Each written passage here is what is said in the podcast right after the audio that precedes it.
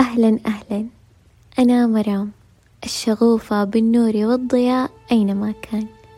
أقدم لكم بودكاست وهج الذي أبث فيه تأملاتي وخيوط أفكاري المتعددة والتي أستقي منها الضوء لمنافذ روحي. أشاركها معاكم بكل حب لعلها ترمي بخيط نور وضياء إلى روح أحدهم. أهلا وسهلا بكم مجددا يا أصدقاء. راح أتكلم في حلقة اليوم عن وهج عن كيفية نظرتنا للآخر المختلف عنا. كيف نراه؟ كيف نحكم عليه؟ وكيف نفسر اختلافنا والتباين الموجود فينا؟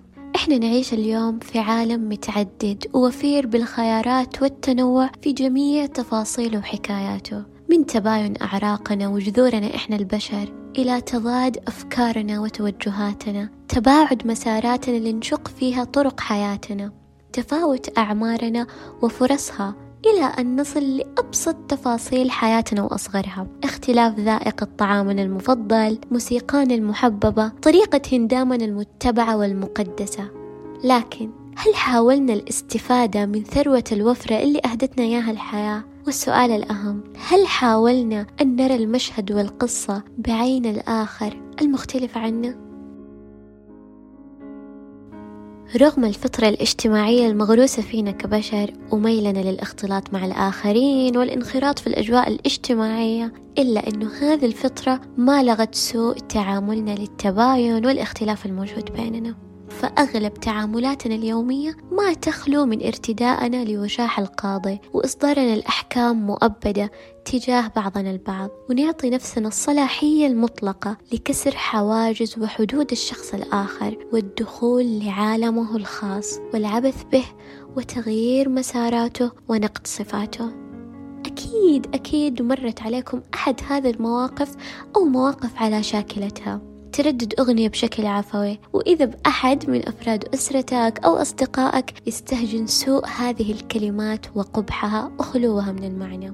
أو تختار تخصص دراسي وطريق ترى فيه ملامح روحك وشعلة شغفك. لكن إنهال عليك عدد ليس بقليل من آراء تخبرك بأنه تخصص محكوم عليه بالفشل.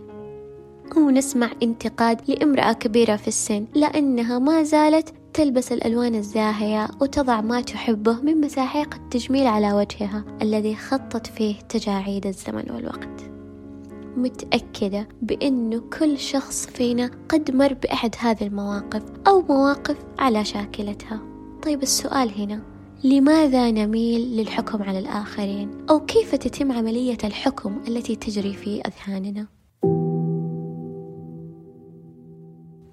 أولا هذا يعود لأننا منذ نعومة أظافرنا نشأنا في بيئة وعالم غذانا بموروثات ثقافية وفكرية حول الآخر المختلف عنا.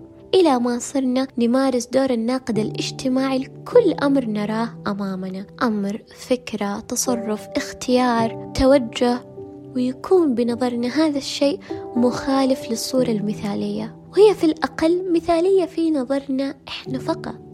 وفي مقال نشرته مجلة فسيولوجي توداي ذكرت طريقة حدوث عملية الحكم اللي نطلقها تجاه بعضنا البعض حيث أنه أدمغتنا البشرية تعمل بشكل تلقائي على إصدار الأحكام وتقييم سلوكيات الآخرين وهذا بسبب أن البشر لا يريدون إهدار الوقت والطاقة لمحاولة فهم ما يروه أمامهم من سلوكيات في الحياة اليومية فالحل البسيط هو إصدار أحكام سريعة وفورية لا تضيع من وقتنا وجهودنا طيب كيف نكون متصالحين ومتسامحين مع اختلاف الآخرين عنا؟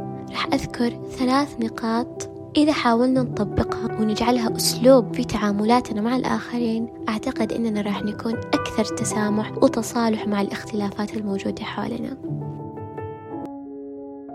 أولا استعر عين الطرف الآخر وأعطه أذنك. حاول أنك تخرج من إطارك الفكري اللي حصرت فيه آراءك ومعتقداتك. جرب وحاول أنك تنظر للأمر من زاوية الآخرين وبالعين اللي يشوفون بها الأشياء. لما أنت تحاول أنك تضع نفسك مكانهم وتنظر للأمر من جهتهم الخاصة أنا متأكدة أنك راح تكون أكثر تفهم لهم وأقل حدة في التمسك بآرائك. وعندما أقول أعطه أذنك فهذا معناه أنك تعطيهم الاستماع الجيد. وليس معناه أنك تنصت لهم بدون مقاطعة لكن الاستماع الجيد هو أن تفهم رغباتهم وآرائهم بالشكل الصحيح. يقول الكاتب ديل قوة الاستماع هي القوة اللازمة لتغيير القلوب والعقول. النقطة الثانية لا تكن متيقنا من آرائك. لا تكون متيقن بشكل تام من أحكامك أو آرائك اللي تصدرها وأفكارك اللي تكونها عن الأمور. حاول توازن بين الشك واليقين. فلما توازن بين الشك واليقين وتكون شخص غير متيقن وغير متأكد تماما من حكمك على تصرفات الآخرين هذا يعطيك مساحة آمنة لتصحيح الأخطاء ويجعلك تعرف حدود معرفتك القاصرة عن الأشخاص وعن عوالمهم. ثالثا كن متسامحا. يجب علينا اولا أن نتسامح ونتقبل فكرة التعددية والاختلاف وأن ننظر لهذا الاختلاف على أنه مجال من مجالات النمو والتطور في مساحات الحياة الرحبه رحلة القبول والتسامح راح تتطلب مننا بشكل أولي تسامحنا مع ذواتنا بدرجة أولى ثم التسامح مع الآخرين. لو حاولنا نتخيل الحياة بوجهة نظر واحدة فقط راح نكتشف إننا بنفقد مشاعر وتجارب لطيفة تضفي لحياتنا معاني جميلة. الاختلاف والتعدد والثراء اللي نعيشه في عالمنا اليوم هو سبب شعورنا اللذيذ بالدهشة لفكرة قد نسمعها أو لطعام مختلف قد نتذوقه أو انبهارنا بسماع أغنية. نتخيل في يوم إنها تعجبنا. وقوعنا في حب دولة ما نتوقع في يوم إننا راح نحبها ونحب طرقها هويتها وأشخاصها. لو كانت الحياة بوجهة نظر واحدة فقط راح نفقد شعلة الفكرة اللي تنير عقولنا بلحظة مفاجئة بسبب رأي مختلف جاء من منظور آخر لم تصل له عقولنا. راح تختفي أيضا هالة التميز اللي تحيط بكل شخص فينا. إحنا نتميز بأمور معينة ربطها الناس فينا. إذا ما كنا مختلفين راح يعيش العالم في حالة إفلاس وقلة في العلوم والاكتشافات والمجالات والمهن والهوايات. وراح تصبح الحياة عبارة عن روتين رتيب بلا طعم ويتكرر كل يوم. أخيرا أقول إحنا نعيش في عالم واسع يا أصدقائي مهما بدأ لنا أنه ضيق. عالم وافر ثري يحمل عدد لا متناهي من الخيارات لكل أمر نود القيام به. وإن عدنا لأصل الحياة والخليقة اللي أنشأنا الله عليها سنرى بأنها الاختلاف.